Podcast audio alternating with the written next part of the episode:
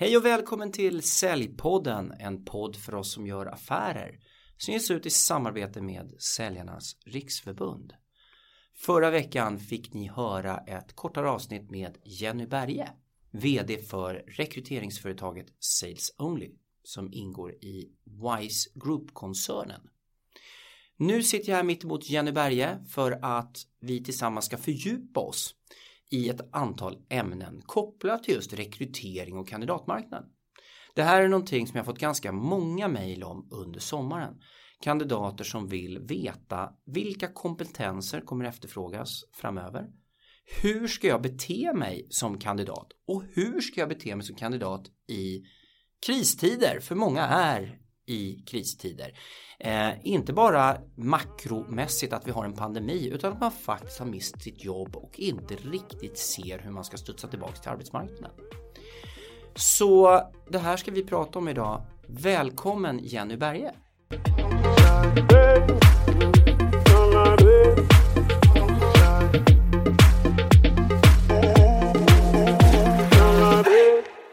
Tack Ken!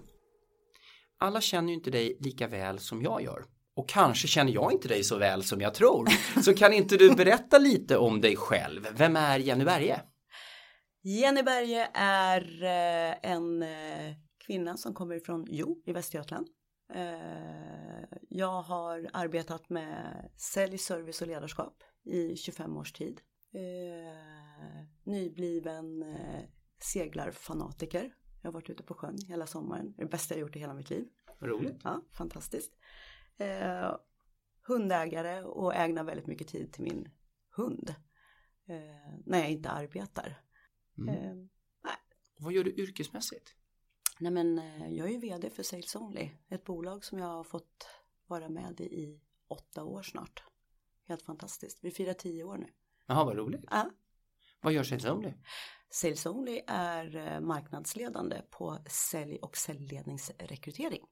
Mm. Vad innebär det? Vad gör ni rent krasst? Hur ser en vardag ut för, för en rekryteringskonsult på Sales Only? Mm. Jag skulle nog säga att den ena dagen är inte riktigt lik den andra. Eh, det är det som är så fantastiskt med vårt yrke. Min organisation består av 360-konsulter vilket innebär att eh, som rekryteringskonsult på Sales Only så är du ansvarig för hela införsäljningsprocessen till att faktiskt genomföra och slutföra en rekrytering. Eh, det är ett krav som vi har eh, givet att vi är ett specialistbolag som ska vara experter eh, på försäljning och kunna vara rådgivande till våra kunder så, så är det så vi arbetar, att du driver hela processen. Mm. Det är ett jättetufft yrke och ett yrke som inte passar för alla. Vad är svårigheten i yrket? Eh, dels att du, skulle jag säga, har två kunder. Det är din uppdragsgivare och det är kandidaterna och att parera däremellan. Eh, du kan eh, sitta i många olika uppdrag vilket innebär att du behöver ha en jättetydlig struktur. Eh, och eh, du behöver vara nyfiken och du behöver vara påläst. Och du behöver läsa på hela tiden kring vilka trender som, som sker inom just försäljning. För att kunna vara rådgivande till kunden. För att förstå vad är morgondagens säljare. Hur gör du för att hålla dig uppdaterad av vad, kring vad som händer då, då eh, kring trender och förändringar i arbetssätt och så vidare? Mm. Eh, bortsett ifrån att jag lyssnar på min organisation och att jag träffar väldigt mycket egna kunder så läser jag väldigt mycket eh, dagspress och ekonomitidningar och sen samarbetar ju vi med ProSales som bedriver forskning inom eh, försäljning. Så att eh, deras forskning tar ju vi del av, inte bara jag utan hela min organisation. Mm. Eh, men, men eh, som vd så är jag är en vd som träffar oerhört mycket egna kunder.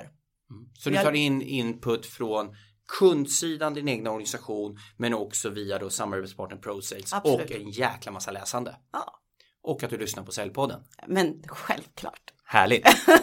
det där var inte eh, placerat, det var, kom väldigt spontant. Jag är jättetacksam för att det kom. Ja. Du, jag tänker att vi ska dyka ner i hur man som kandidat eh, kan agera, hur man Mm. bör agera och lite grann i vilka kompetenser som du tror kommer krävas framgent. Mm. Är du redo för lite frågor kring det här? Ja men absolut. Mm. Först och främst, hur ser det ut där ute? Liksom, finns det jobb att söka överhuvudtaget? Ja, Ja. det finns det. Mm. Hur ser det ut nu jämfört med till exempel samma månad 2019?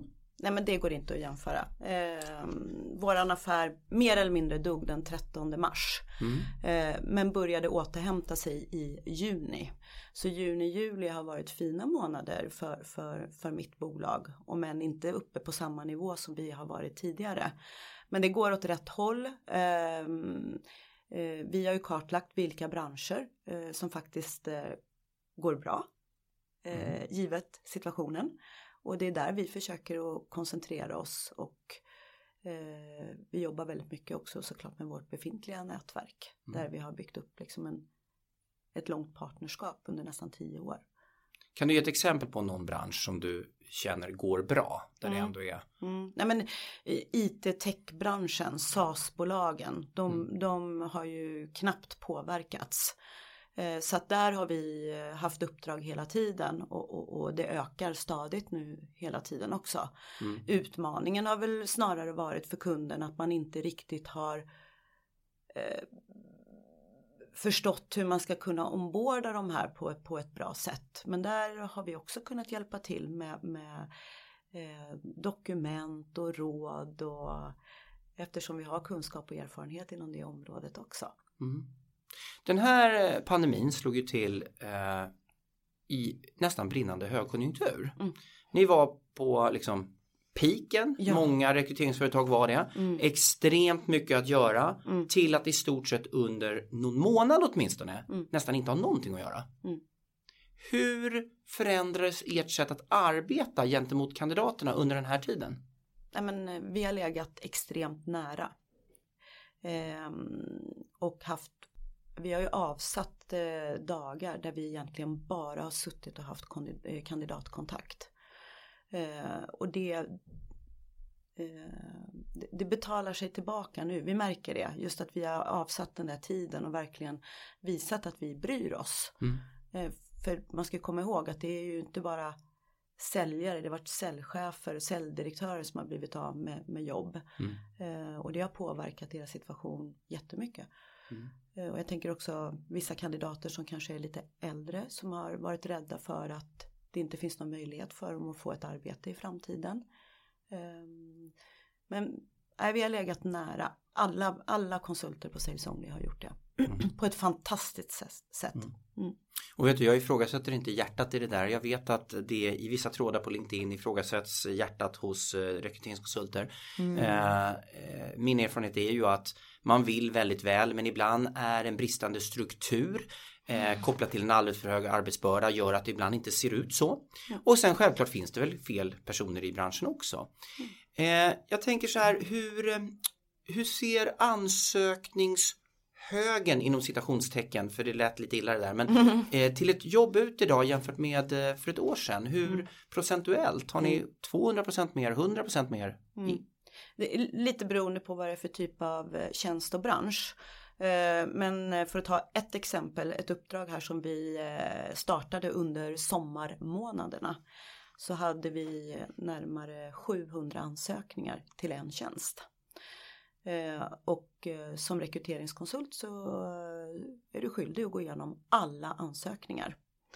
Så jag har aldrig hört talas om 700 ansökningar det- till en eh, säljtjänst faktiskt. Eh, och då har ändå jobbat med det här i Mm. 17 år. Helt otroligt. Ja, men starkt varumärke, eh, rolig roll, eh, bra annons. så att den eh, är närmare 700 ansökningar.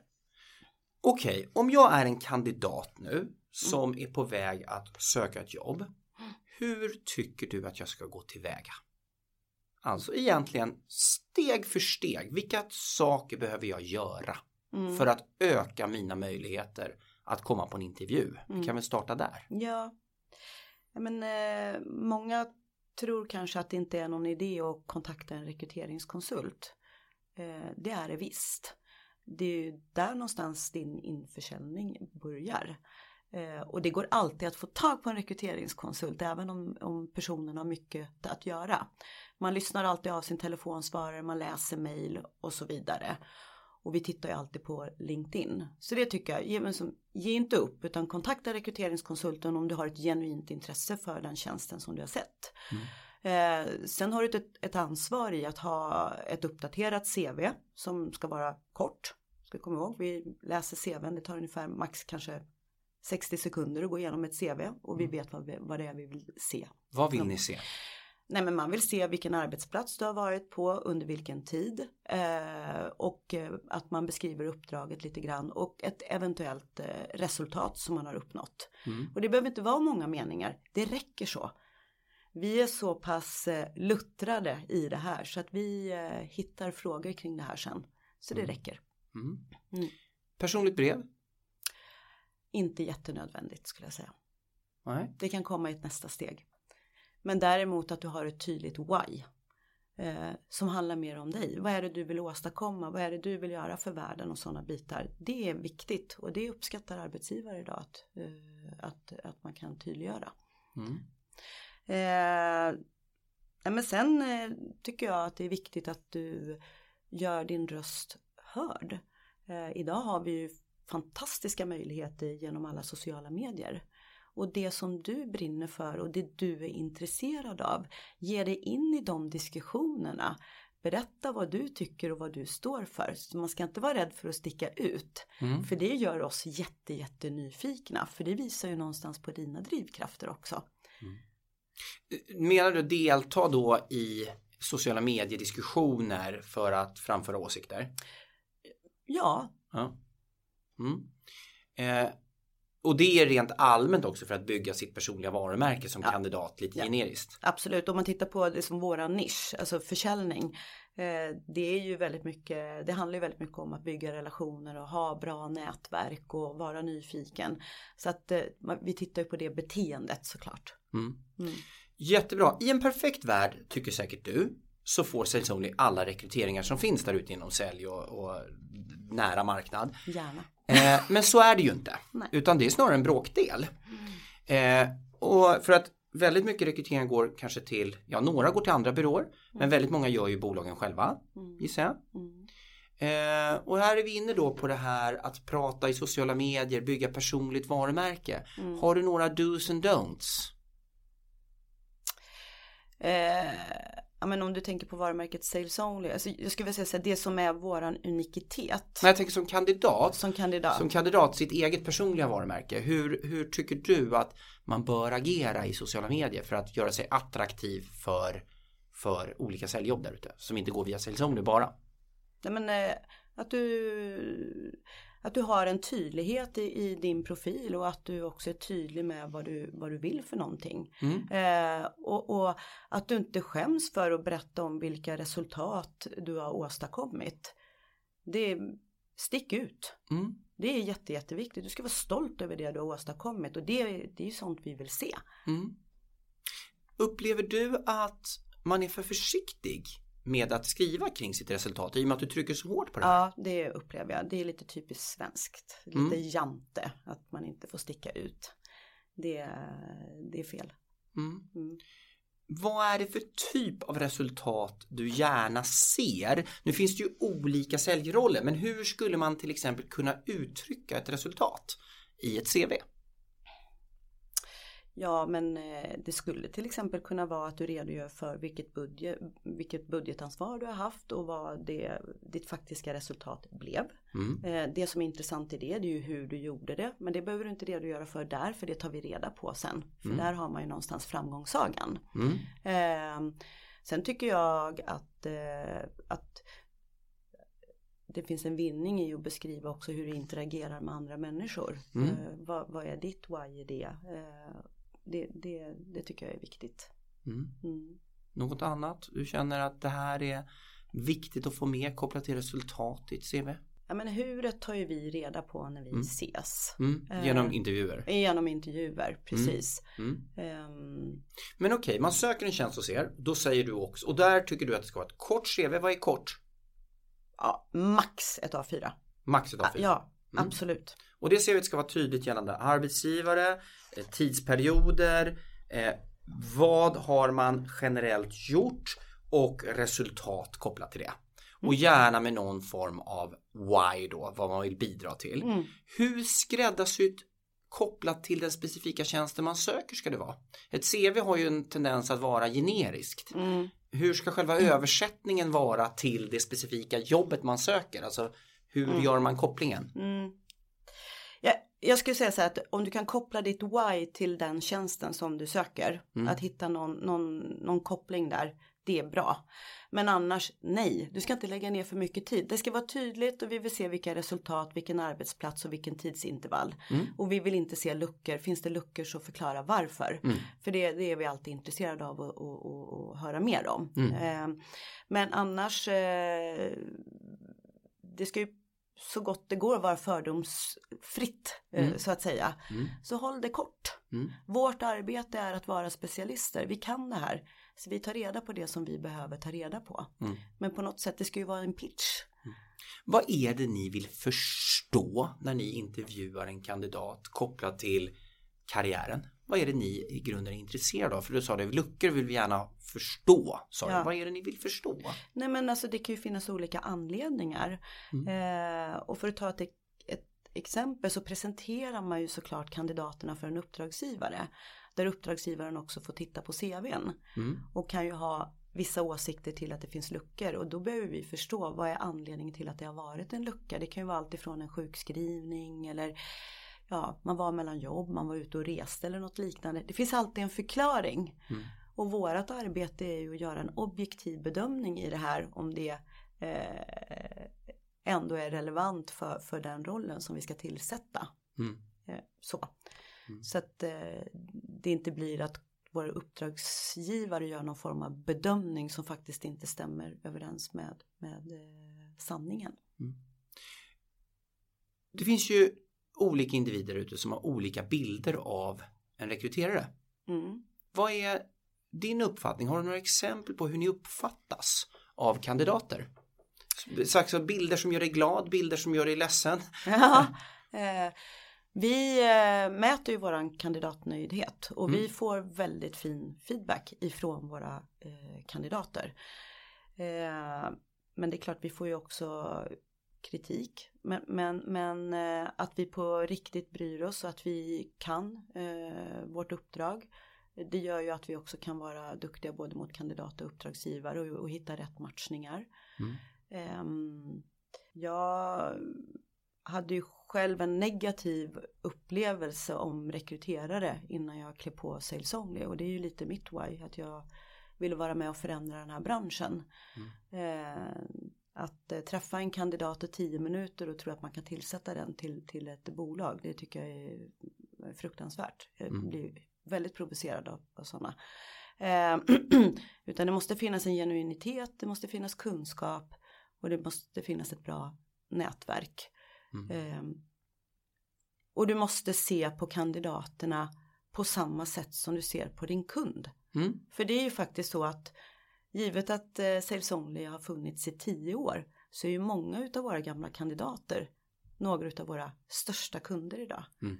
Och det där måste du ha med dig i ditt mindset, att vårda din kundrelation. Mm. Nej men det är fantastiskt, det är jätte, jättehärlig bransch att verka i. Jag har ju själv varit i den i väldigt många år och, mm. och just det här hur viktigt det är att faktiskt försöka vara genuin och försöka göra ett gediget jobb och både bry sig om men, men faktiskt också professionellt göra en korrekt matchning. Mm. Eh, men en, en, reflektion som jag har lite grann här som jag, som jag tänker är måste vara lite svår för er. Eh, för mig är ju lite CV som att skicka en offert till en kund. Man har ju alla möjligheter att presentera varför man är rätt person eller till en kund så är det rätt leverantör. Jag kan uppfatta ibland att den här offerten mm. inte riktigt är genomtänkt och när jag säger då offerten så menar jag mm. CVt. Mm. Och att man då som rekryterare ska gissa mm. lite grann. Gissa vad hålen innebär och så vidare. Mm. Känner du igen den här bilden ibland? Ja, jag skulle säga framförallt kanske hos nya konsulter som inte har erfarenheten av att veta vad man ska leta efter i ett Mm. CV. Mm. Ja, det kan jag göra. Mm. Eh, nybörjarfel, Mm. Precis. Mm. Och att man då som kandidat måste också se till då att man är så tydlig man kan vara i sitt CV Mm. med vad man faktiskt har gjort. För det Definitivt. måste ju vara svårt också för att vi har ju alla olika erfarenheter och det här att vara totalt fördomsfri Mm. det är ju nästan omöjligt. Vi kan göra så mycket vi kan och det vet jag att ni gör. Men, Mm. men någonstans alla har inte gått igenom en arbetslöshet på flera år. Alla har inte blivit uppsagda på grund av arbetsbrist. Alla har inte råkat ut och fått en cancerdom eller liknande. Mm. Och det gör ju att det händer ju saker i människors liv. Inte minst corona visar ju det här. Nej.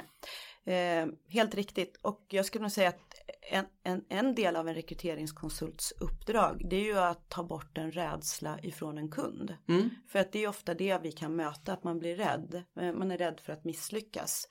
Så att eh, där handlar det om att titta på vilken potential det finns i, i, eh, i kandidaten Mm. och göra en bedömning på det. Mm. Och då blir det mycket drivkrafter och sådana saker som du tittar på egenskaper.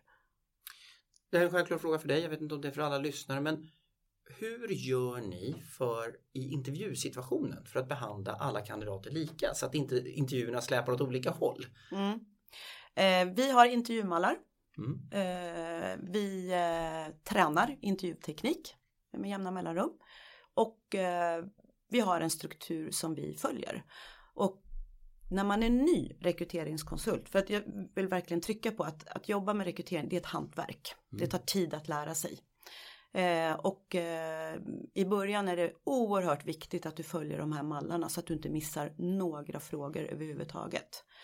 När du börjar bli en eh, etablerad rekryteringskonsult, när du har gjort några tusen intervjuer, då sitter det i ryggraden och då kan du också eh, gå ut på, på spåren och ställa andra typer av frågor.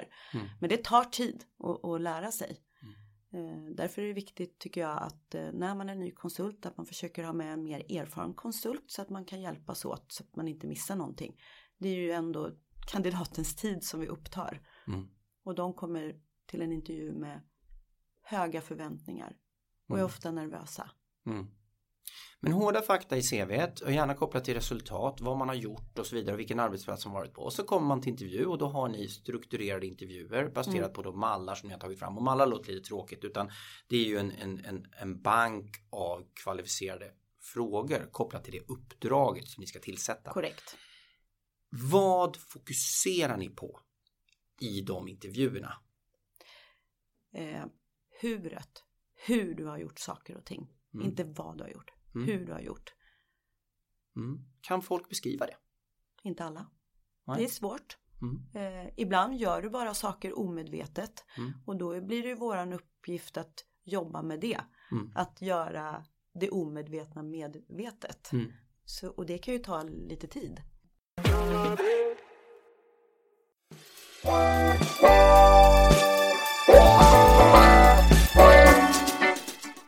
Hej! Det här är Georg Brontén, grundare av Membrane.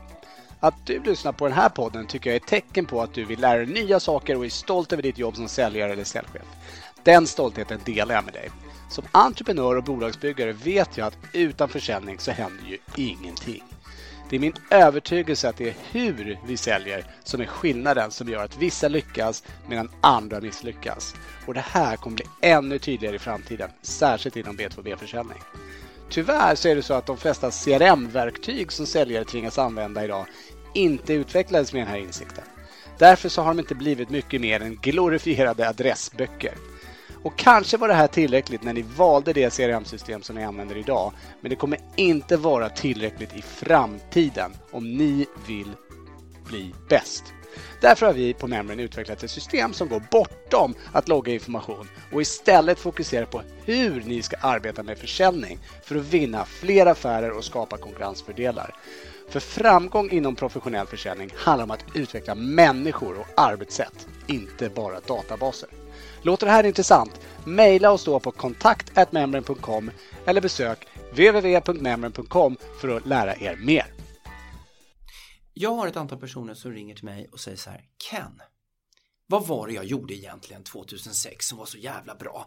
Eh, jag, jag kan inte sådär. Och så får jag beskriva det och så kan de sen gå ut och föreläsa som de här personerna då gör eller, eller vad det nu är. Mm. Eh, det här har jag kommit fram till är en skill att faktiskt titta in i sig själv. Hur gjorde jag det här? Och som Mm. egenföretagare har jag tvingats göra det och som föreläsare. Och, Tycker du att kandidater ska träna på det här? Lite ledande men liksom hur, hur gör man för att få fram det här om man faktiskt inte känner shit jag vet ju inte. Nej men absolut, jag håller med. Mm. Fråga, alltså prata med dina gamla kollegor. Hur upplevde du mig? Vad, vad, alltså, det är ju, känner du inte att du har den insikten så behöver du ju få den insikten Mm. för att kunna ta nästa steg. Mm. Tänker jag. Det är jätte, jätteviktigt. Be om feedback. Mm. Mm. Det är inte farligt. Nej. Nej men jättebra Jenny, det du efterfrågar väldigt mycket det är ju en tydlighet egentligen i vad har du gjort? En tydlighet kring ditt why eller varför vill jag göra? Mm. Men också ett ännu starkare kanske tydlighet i hur har jag gått tillväga för att faktiskt skapa de här prestationerna. Så att du kan få den här helheten och det är någonting som rekryterare attraheras av. Mm. Mm. Absolut. Men du, nu ska vi försöka skilja på den här frågeställningen för att vi är återigen, eh, det blir lite tjatigt men det är fortfarande viktigt att påminna att vi är mitt i covid-19. Mm. Eh, Eller mitt i, eh, ingen aning, vi är, eh, vi är i den tiden. Mm. Och då får man 700 ansökningar tydligen till en säljtjänst. Jag har knappt hört talas om fler än 100 tidigare. Så att uppenbart så är situationen helt annorlunda. Det börjar röra på sig lite grann. Men det är fortfarande så att det ser annorlunda ut. Men försök att blicka framåt. Vilka skills behöver en säljare ha I framtiden. i framtiden? Mm. Och kanske nu och i framtiden. Mm. Någonstans. Mm. Jag ska bara säga då att det här med 700 ansökningar, det är ett uppdrag. Jag förstår det. Men det är klart, det Men har ni har ökat många ändå till en del, jag förstår Ja. det. Ja. Jag förstår att det inte är så att ni bara kan luta er tillbaka och läsa ansökningar, vilket i och för sig inte bara är att luta sig tillbaka. För 700 ansökningar, det tar inte en kvart Nej. att gå igenom. Nej, det tog Utan ett det par tar en vecka. Ja, Eh, precis. Nej, men om man, om man pratar med, om skills framgent. Givet att många köp börjar med en Google-sökning idag så, så, så tror kunden många gånger att de kan mer kanske än vad de kan. Men jag skulle vilja säga att det som är viktigt i framtiden för en säljare det är att du kan sälja lösning, att du kan sälja en vision. Eh, att du har förmåga att bygga relationer med flera personer än en på ett bolag. För givet att affären blir mer komplex så innebär det också för kunden att affären blir mer risk. Så hur kan du trygga kunden med att minimera risken? Mm. Så att det är superviktiga skills i framtiden för en säljare och jag skulle säga att det är ganska oberoende om det är komplex eller om den kanske kan vara lite mer distribuerad. Mm. Eh, sen kan man ju prata om vissa områden som SAS och sådana bitar men jag, jag, jag vill hellre prata om de här övergripande sakerna som går att träna på. Mm. Eh, jätte, jätteviktigt. Sälja en dröm. Sälja en dröm, sälja en idé. Ja. Eh, hur skiljer det här sig egentligen mot för tre, fyra år sedan? Upplever du en stor skillnad? Eller är det mot 10 år sedan eller mot 15 år sedan? Var, alltså det sker inte över en dag, men Nej men jag skulle nog vilja säga att skillnaden är när du träffar en kund idag så har kunden läst på mm. och, och, och där börjat med sin egen köpresa ja. Som kanske inte riktigt stämmer överens med det, sanningen. Nej. Och, och där behöver du kunna agera som en rådgivare till Mm. kunden i Mm. större utsträckning. Och den, den förflyttningen tycker jag har varit ganska kraftig under de senaste tio åren. Mm. En jättesvår fråga. Jag Mm. skjuter lite från höften i den här frågan. Okej. Och det är, kunden har läst på, Mm. men det överensstämmer kanske inte med verkligheten. Mm. Vad menar du? Att kunden tror att de vet vad de vill köpa. Okej, precis. Mm. Eh, så att, och varför blir det så då? För att du någonstans har eh, du kan ha fått fel information. Eh, du, du tror att eh, en speciell insats kan skapa ett resultat. Till exempel. Mycket på grund av att du faktiskt inte, du har inte den faktiska erfarenheten. Du har inte de egna skillsen. Mm. Men du har en erfarenhet och kunskap om din egen bransch. Såklart. Så tidigare visste kunden inte riktigt. Nu tror sig kunden veta men har inte hela pusselbiten. Nej. Ja, men lite så. Det är ungefär, om man tittar på så digitala leads som kommer in nu. Där man kan tycka så här, ja men det är ganska tydligt vad kunden vill ha. Och när vi börjar prata med kunden så visar det sig att det är något helt annat. Mm. Mm. Det är ju precis det där. Jag hade någon gång på min LinkedIn så hade jag ett pussel. Ja. Där säljaren hade halva, hälften av pusselbitarna och köparen hade hälften av pusselbitarna och tillsammans satte man ihop dem där. Mm. Och då blev det liksom lösningen färdig. Är det lite det att du beskriver här? Mm, skulle kunna vara så. Ja. Mm. Är det någon annan skill man behöver förutom då att sälja en idé? Alltså allvarligt talat måste man vara mer påläst i framtiden, smartare, roligare? Jag vet inte. Man kan se i vissa branscher så blir ju den tekniska kompetensen viktigare än vad den har varit tidigare. Mm. Så att vi kan ju, vi ser ju en ökad efterfrågan på ingenjörer, alltså någon form av akademisk bakgrund eh, inom vissa branscher. Mm. Så, så uh, medan i andra branscher så är det inte alls så. Utan Mm. då blir de mjuka bitarna, alltså potentialen, ännu viktigare. Mm. Du, ehm, hur många procent av era rekryteringar ungefär är kvinnor? Vet du det? Oj, vilken bra fråga. Mm. Det borde jag kanske veta. Nej, eh, jag har inte den procentsatsen. Eh, men vi, vi är duktiga på att rekrytera ut kvinnor. Eh, och vi får ju väldigt ofta den eh, frågan eller kravet ifrån en uppdragsgivare givet att de har, har, har egna mål. Att de vill att vi presenterar kvinnor. Eh, vi har ett fint nätverk idag. Är, vi, idag så har vi en bas med nästan 70 000 kandidater. Eh, och, och vi har varit skickliga på att rekrytera ut kvinnor till ja, IT-branschen, Mm. industribranschen, Mm. byggbranschen. Mm. Det som är så synd tycker jag med kvinnor det är att de inte är alla gånger duktiga på att sticka ut. Nej. Eh, mm.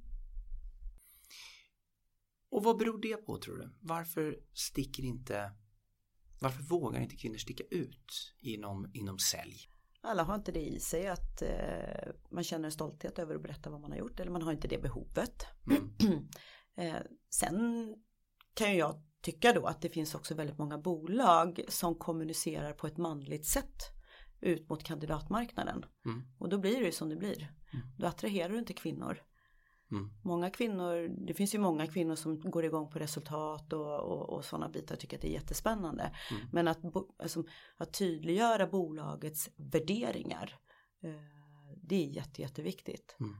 Nej, Jag tycker att när du beskriver vilka skills som krävs i framtiden och eh, jag tycker i och för sig att det har varit så här under en period så tycker jag att många gånger att det är en skam att vi inte eh, får fler kvinnor eh, in i våra processer i rekryteringssammanhang. Ännu fler alltså. Jag vet att ni är duktiga på det här.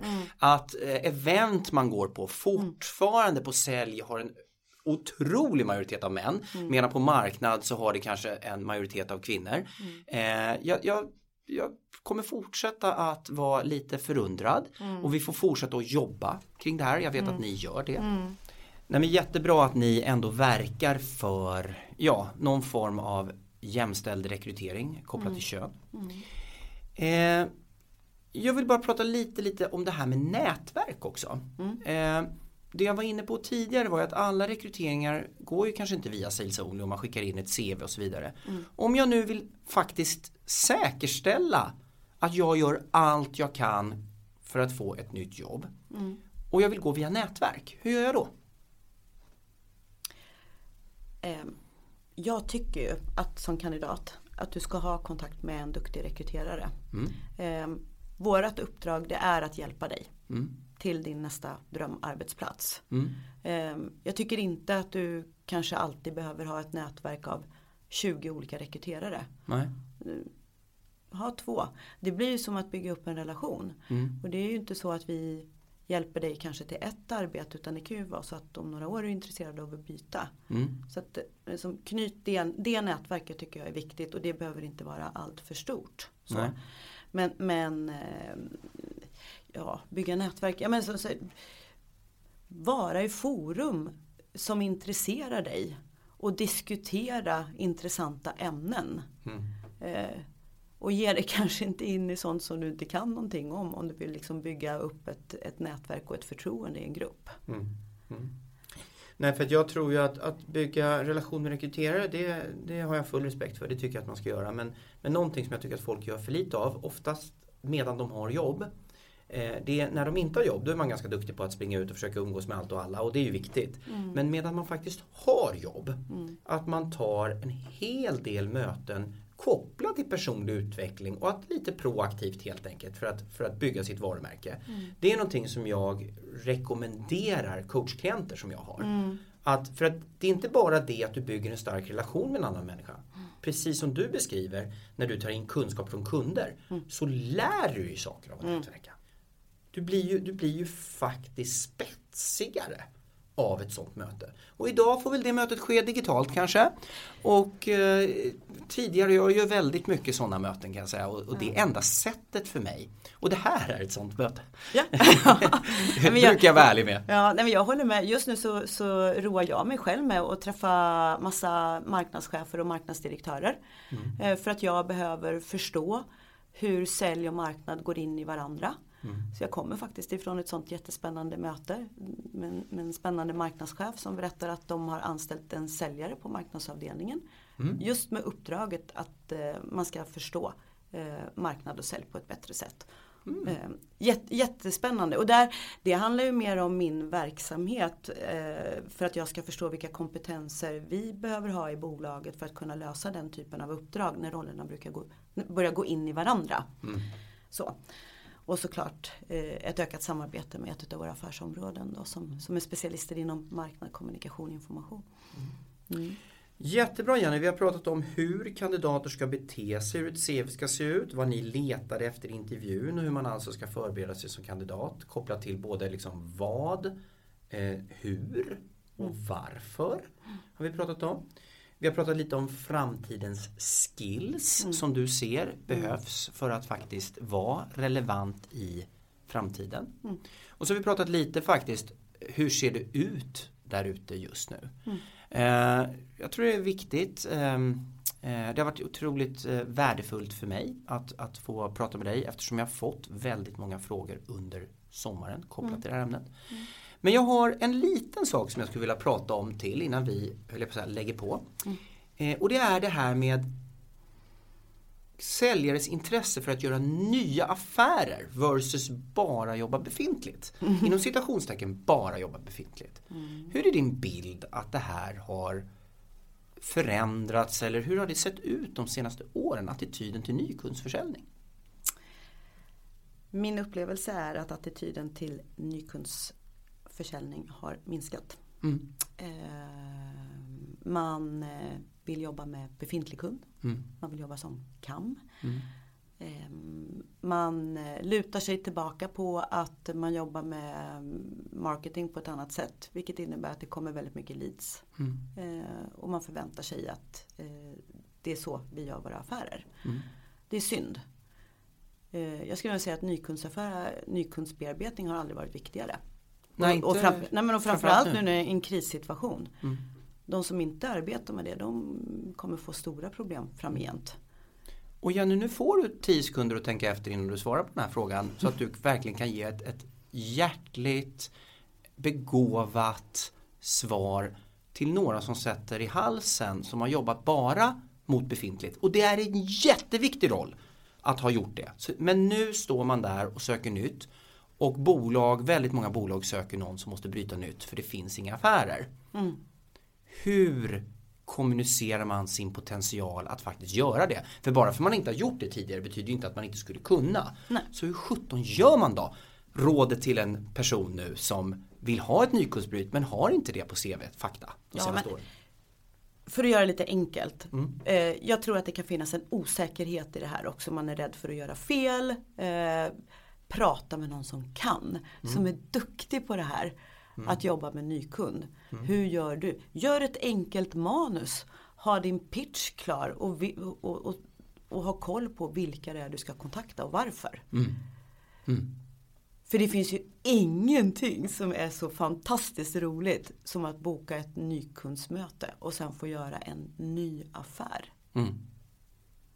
Så att, eh, både då när du väl har fått jobbet som nykundsbearbetare eller hur vi nu kallar det, det låter lite för, för, liksom för enkelspårigt men jag förstår att bearbeta en ny marknad helt enkelt. Så när du väl har fått jobbet, se till att ta in input från människor som gör det här idag. Hela tiden stay on top.